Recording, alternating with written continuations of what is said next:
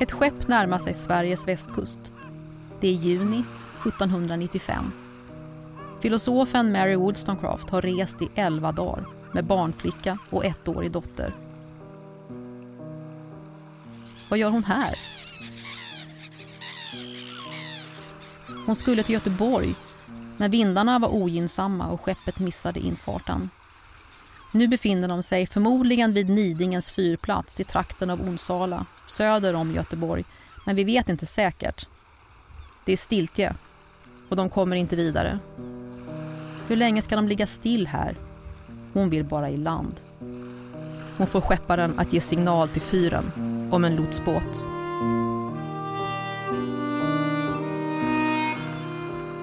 Anekdoter Sä, Mary Wollstonecraft och revolutionen Skriven och inläst av Lena Haldenius.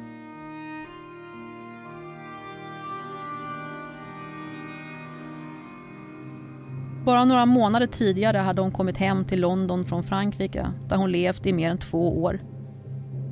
Hon hade rest till Paris i december 1792 precis när den franska revolutionen slagit över i terrorvälde. Hon hade knappt hunnit dit förrän hennes eget land låg i krig med Frankrike. Att som brittisk medborgare vistas i Paris var förenat med betydande risker men hon verkar inte ens ha reflekterat över det när hon åkte. Mary Wollstonecraft hade gjort sig känd som försvarare av revolutionen och dess principer om frihet, jämlikhet och folkrepresentation. Hon försvarade också revolutionärerna, både de välorganiserade med ädla politiska motiv och de som helt enkelt inte stod ut med förtrycket och fattigdomen längre.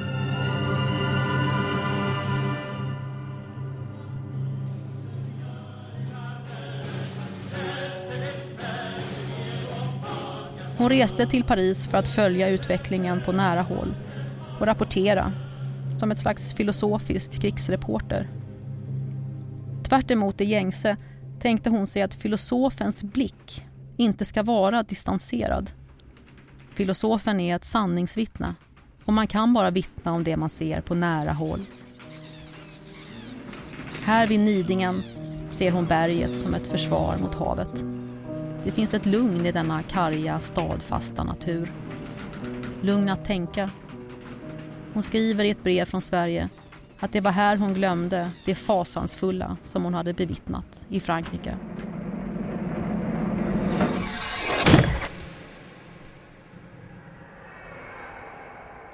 Mary Wollstonecraft föddes i London 1759 i en medelklassfamilj som först levde hyfsat på ärvda pengar från textilhandel Pengar som hennes far lyckades helt göra av med i det ena misslyckade försöket efter det andra att leva gentlemannaliv.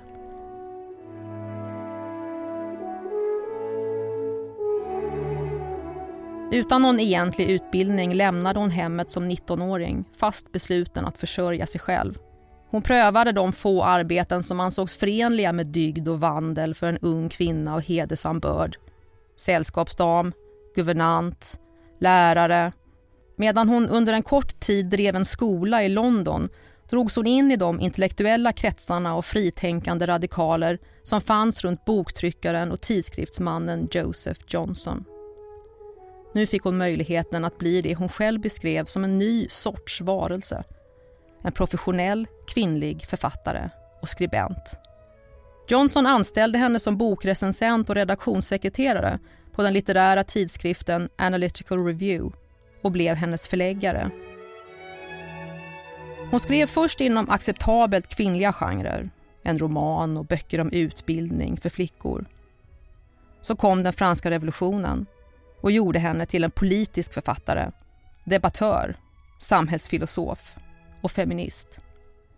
Men också ett slags filosofisk antropolog som gjorde iakttagelser, resor, konversationer och upplevelser till en del av sin filosofiska metod.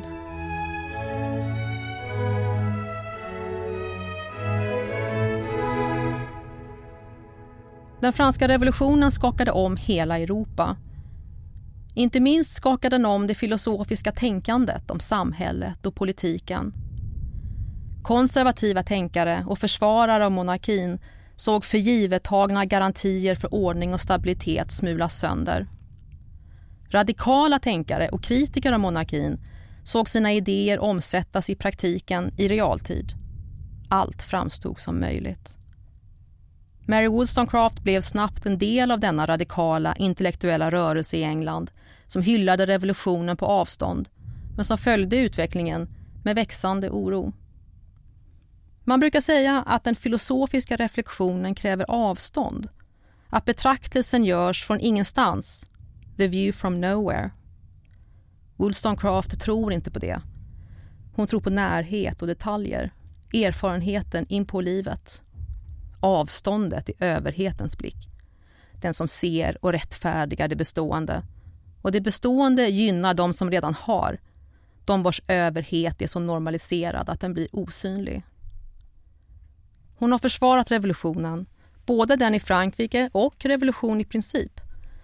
Men hon har också artikulerat besvikelsen, ilskan över att revolutionens löfte om jämlikhet visade sig vara skenheligt. Det tycks aldrig ha varit meningen att de kvinnor som slogs på gatorna skulle bli medborgare på riktigt i den nya republiken. Friheten var inte för dem.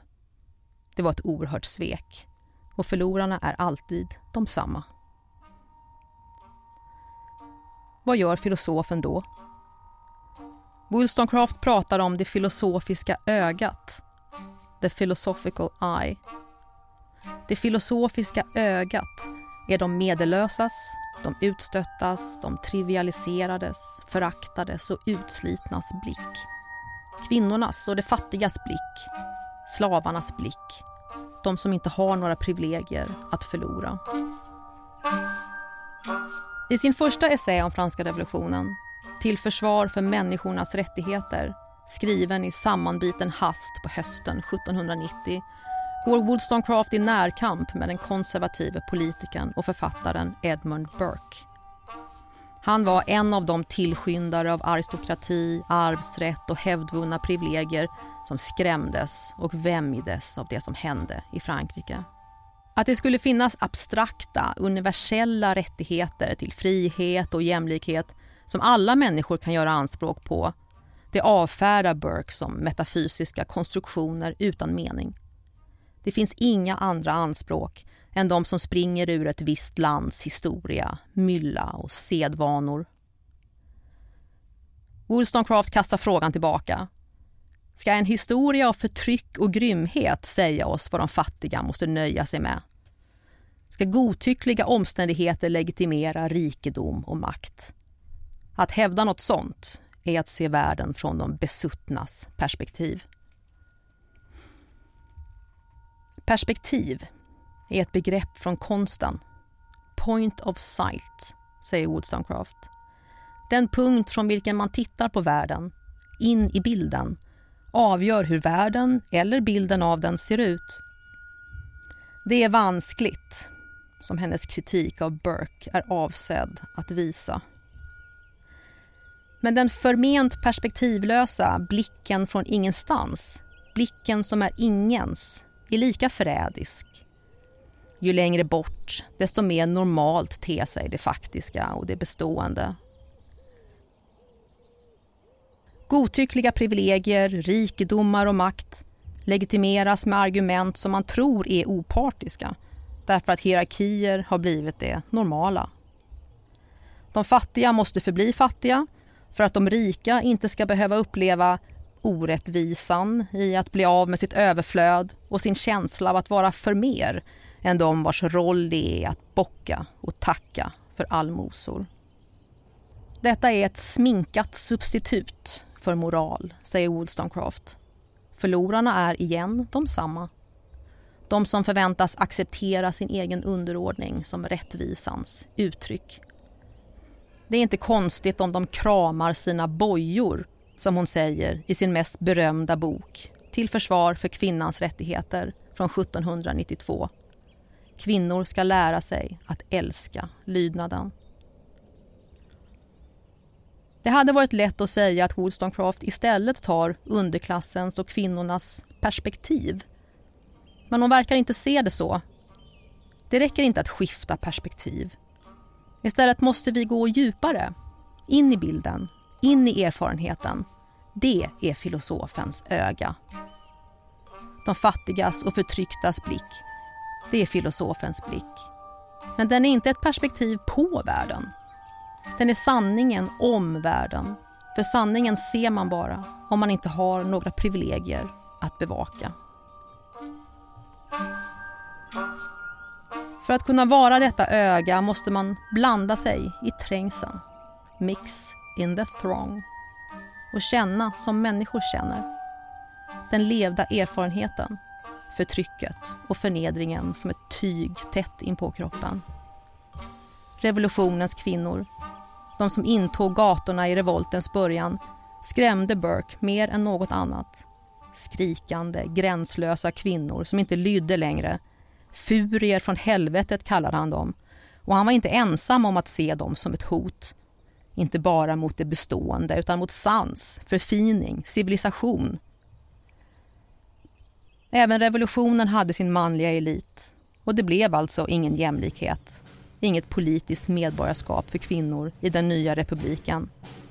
Frihet, jämlikhet och broderskap var bokstavligen det. Frihet och jämlikhet för broderskapet.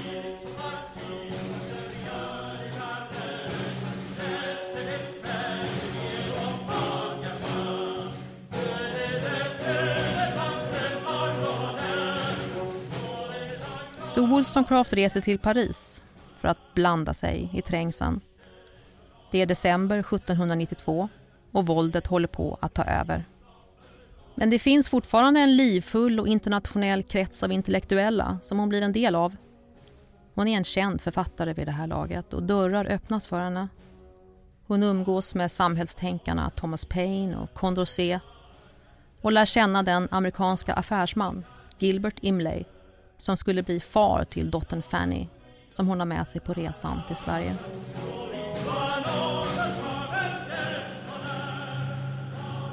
Revolutionen som hon har gjort sig känd för att försvara. De frihetliga principerna, den folkliga resningen mot den absoluta monarkins totala terror har spårat ur i ett nytt slags förtryck. De nya herrarna utdömer hämnd medelst giljotin. Kort efter ankomsten till Paris skriver hon i ett brev hem till Joseph Johnson att hon såg kungens fångtransport från sitt fönster den detroniserade monarken på väg till den rättegång där han skulle dömas till döden. Han satt där med mer värdighet än hon hade väntat sig. Hon ömmar för honom, märker hon. Men folkets värdighet berör henne mer. Ingen säger något. Inga respektlösa gester. Ingen skriker. Så snabbt man kan falla från så hög höjd.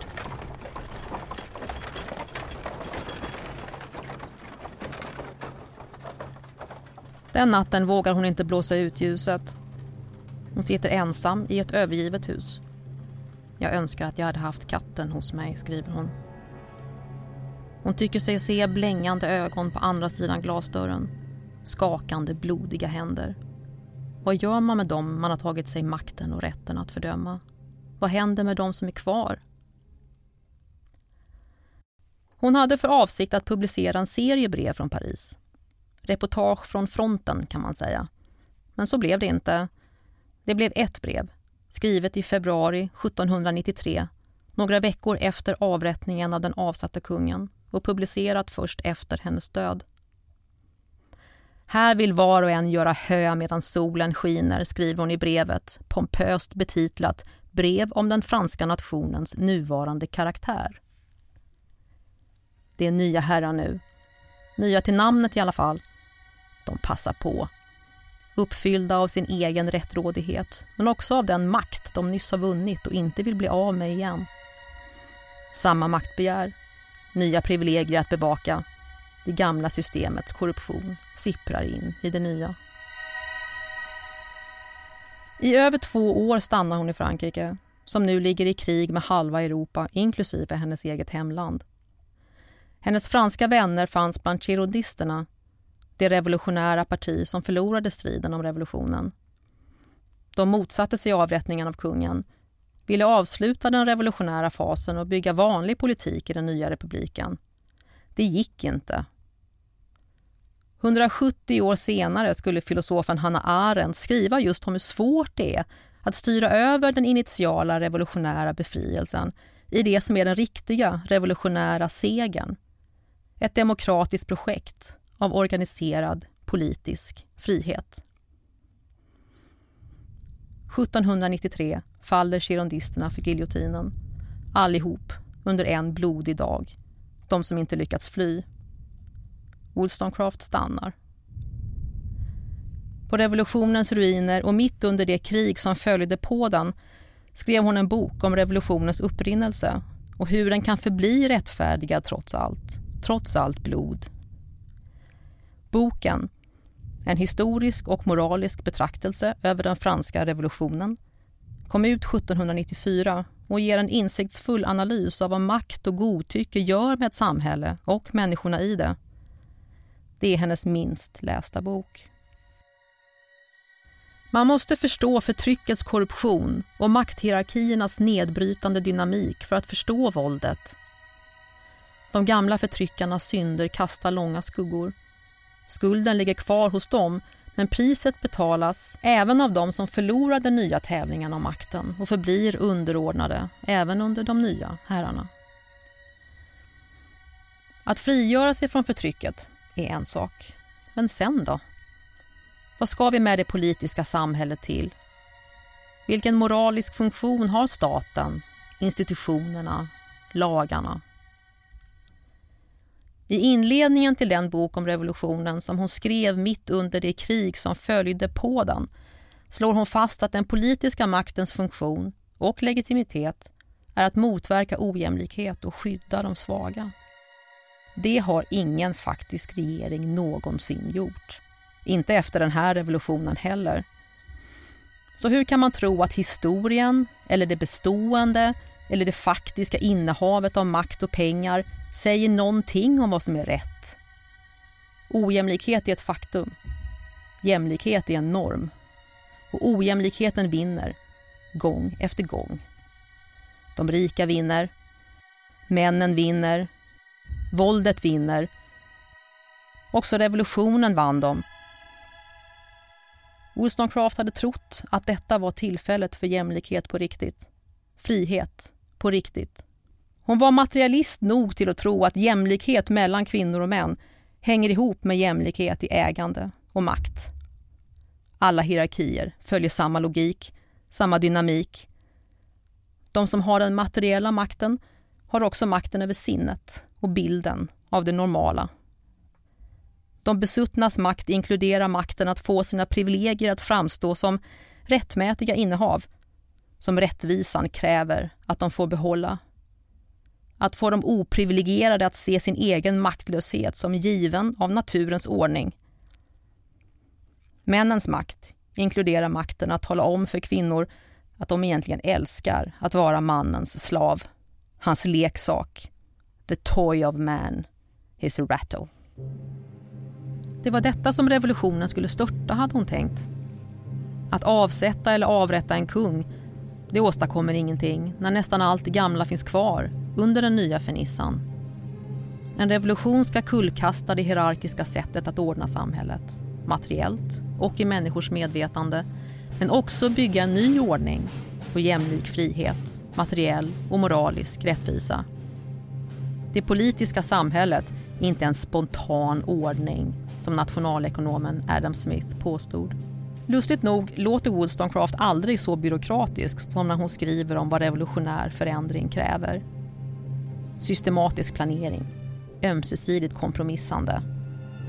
Det är inte upproret som är revolutionen. Det är den grundläggande och långsiktiga förändringen. Det fredliga och tålmodiga byggandet av en rättvis ordning som är revolutionen.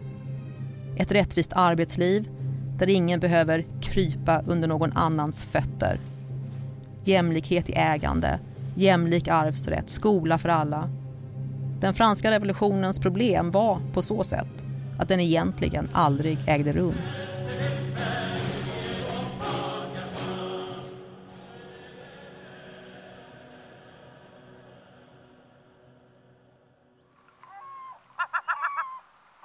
Juni 1795. Göteborg. När Mary Wollstonecraft tröttnade på att vänta på lotsen som aldrig kom fick hon sjömännen på skeppet att ta henne, dottern och barnflickan i land. Vad gör hon här? Själv säger hon ingenting om det men vi vet numera att hon reste som Gilbert Imleys agent. Hennes uppgift var att nosa upp ett fartyg som han hade ekonomiska intressen i. Fartyget hade försvunnit eller blivit stulet på vägen från Frankrike till Norge. Relationen är på upphällningen och hon skriver brev till Imlay som osar besvikelse och melankoli i en karg miljö som gjord för naturromantiska svärmerier. Breven redigeras, avpersonifieras och publiceras 1796 som en reseskildring. Brev skrivna under en kort vistelse i Sverige, Norge och Danmark. Hon är ju professionell författare trots allt och detta skulle komma att bli hennes mest populära bok. Snabbt översatt till flera språk, även svenska. Upplysningsfilosofen som romantikens förtrupp i ett kallt klimat. En engelsk filosofisk iakttagare på antropologisk resa längs den svenska och norska kusten, genom landsbygd och småstäder. Vart hon än kommer får hon och hennes lilla sällskap husrum, skjuts och svar på alla frågor. Hon ställer frågor som en man, får hon höra. Det är kusttrakter. Folk är vana vid resenärer och många kan tala engelska. Vad ser hennes filosofiska öga här? Det första är lotsbåten, den som aldrig kom. Det blir en analytisk utgångspunkt för denna filosofiska antropolog. Varför kom lotsen inte ut? I Sverige är lotsarna betalda av kronan. En usel lön som gör dem obenägna att ta några risker alls. Hon jämför med England. Där får lotsarna betalt av de skepp de bistår. Ju högre risk, desto bättre betalt. Den stillastående naturen tycks ha tagit över människorna också. Det går långsamt, trögt, utan nyfikenhet. Lugnet sopar bort minnet av våldet i Paris men hon påminns om parisarnas lust till allt nytt. Nyfikenheten och livsglädjen som samexisterar med terrorn och dödandet blir en motpol till det skandinaviska vemodet och till hennes eget. På 1700-tals maner sätter hon lättsinne i kontrast till den förnuftsbaserade moralen. I fattigdomen och stiltjen i norr ser hon inte mycket aptit på livet. Men ingen revolution heller. Ingen hets, inget blod. Bara molande vardag. Men tålamod dock. Och en uthållighet som inte ger vika. Kan man förändra ett samhälle i grunden utan våld? Skulle det av någon anledning vara möjligt just här? När hon åkte till Frankrike hade hon en mission och en föreställning. Missionen var att förstå revolutionen. Föreställningen var om Frankrike och fransmännen, den franska nationen som grej, nationalkaraktären. Hon odlar den och sållar saker genom den. Parisarna dansar på gatorna. Det är typiskt franskt. Själv funderar och analyserar hon. Det är typiskt engelskt. I brevet från Paris gör hon en poäng av att hålla kvar vid den generella bilden av en nation. Det är en studie i revolutionsdynamik men också i franskhet. Och sånt håller bara på avstånd. Det hon ser sållas genom filtret, föreställningen om ett franskt sätt att leva. Det fåfänga och depraverade franska kynnet som inte tar någonting riktigt på allvar. Livslusten som hon påminns om där på klippan medan minnet av våldet bleknar. Hon kom aldrig Frankrike riktigt nära.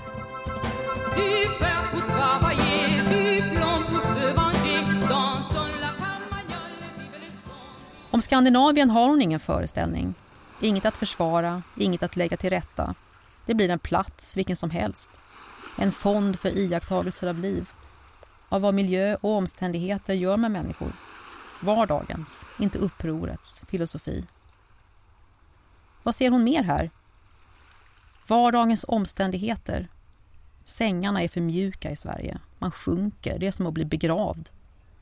Maten står framme för länge och brödet är sött. Och fattigdomen. De otvättade, ovädrade barnen inrullade i skitigt ylle. I Frankrike hade fattigdomen piskats upp till raseri. Här är fattigdomen som en kvarn, långsamt och tröstlöst malden. Tjänstefolk utnyttjas, misshandlas och tjänar för lite. Männen står upp för varandra genom att trampa ner kvinnorna. I de små städerna är sinnena trånga. Hon säger att sinnet verkar utvecklas bäst och friast antingen där man omges av väldigt mycket folk, i de stora städerna, eller där man omges av nästan ingen alls, i naturen. Evigheten finns i de ögonblicken, säger hon i ett av breven från Sverige. I den lilla staden växer bara trångsynen. En av Wollstonecrafts mest solida övertygelser som hon har kommit fram till på observationens raka väg, som hon uttrycker det, är att inget förstör människan så mycket, inget korrumperar människors sinne så mycket som ojämlikhet. Den lust efter ägande, det förhärligande och romantiserande av makt som ojämlikhet föder och den förnedring som ojämlikhet lägger på fattigdomens redan tunga ok.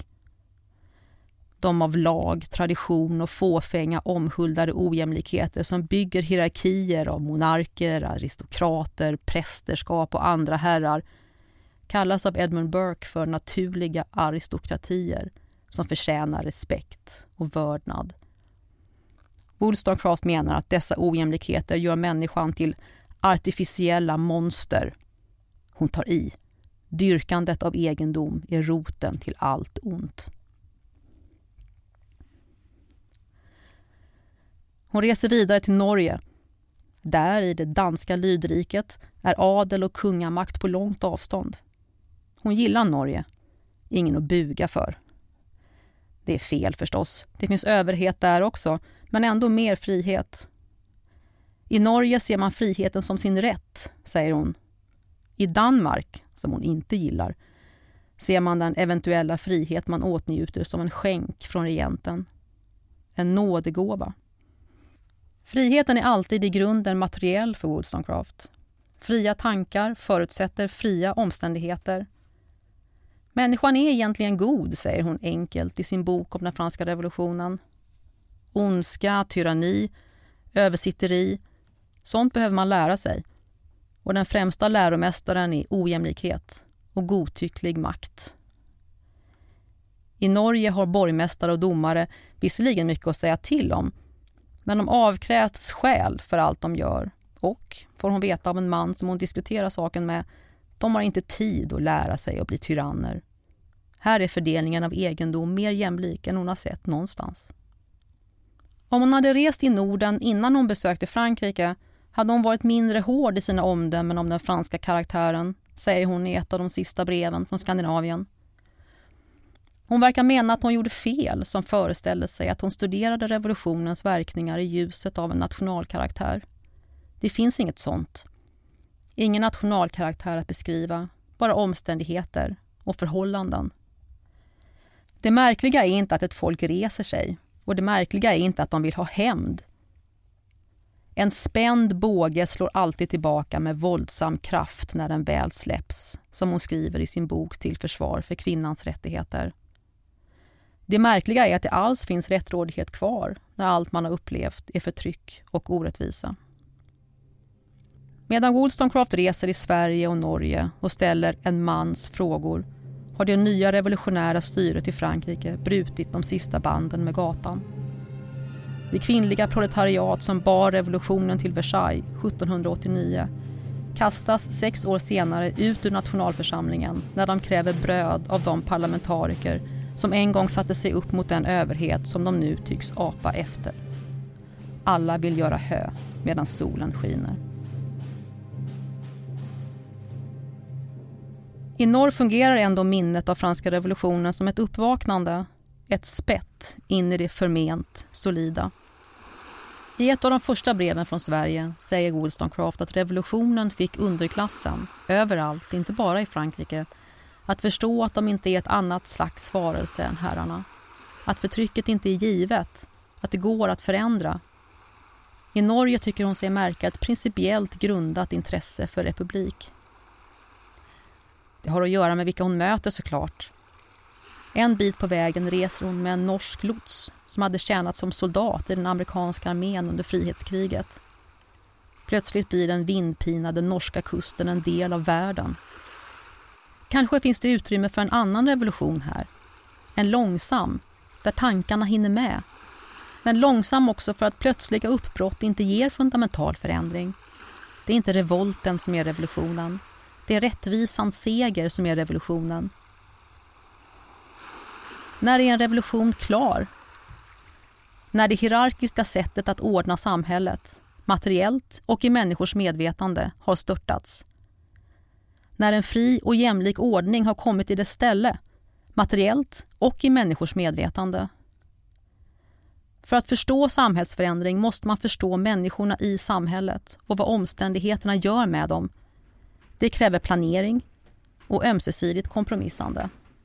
En revolution måste ha tålamod med det tråkiga.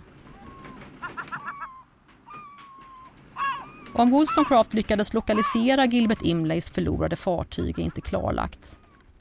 Hon reste hem till London igen, genom Danmark och Tyskland. Skrev färdigt reseskildringen och påbörjade en roman. Skrivandet gick mödosamt sägs det. Plötsligt hade allt blivit svårare, segare Resan i Skandinavien fick henne att tänka på en långsam revolution. Lika omvälvande och radikalt förändrande som den plötsliga, men mer vardaglig, slitstark. Hur det skulle ha kunnat påverka hennes filosofiska tänkande på sikt får vi aldrig veta. I september 1797 dör hon, 38 år gammal, mitt i steget, romanen halvfärdig. Mary Wollstonecrafts filosofiska gärning är ofullbordad. Den slutar bokstavligen mitt i en mening. Det är passande på något sätt eftersom en av hennes centrala insikter är att samhället inte är en spontan ordning. Det, liksom varje mänskligt liv, är ett tålamodsprövande projekt som aldrig blir klart. Eller som hon skrev i ett av breven från Norge. Vilken lång tid det tar för oss att lära känna oss själva.